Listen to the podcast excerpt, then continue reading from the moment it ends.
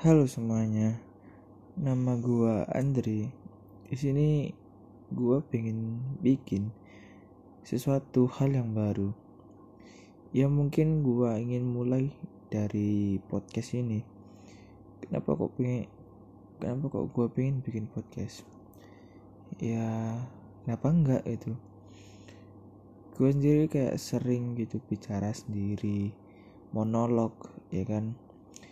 Bicara dengan diri sendiri daripada itu gua pendam gua simpan buat diri gua sendiri.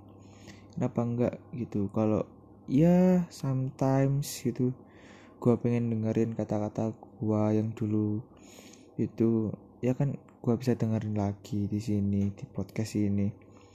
Ya nggak tahu ini juga bermanfaat untuk orang lain atau enggak ya gua juga nggak tahu tapi ya untuk gua di masa depan ya ini kayak ini lu di masa lalu.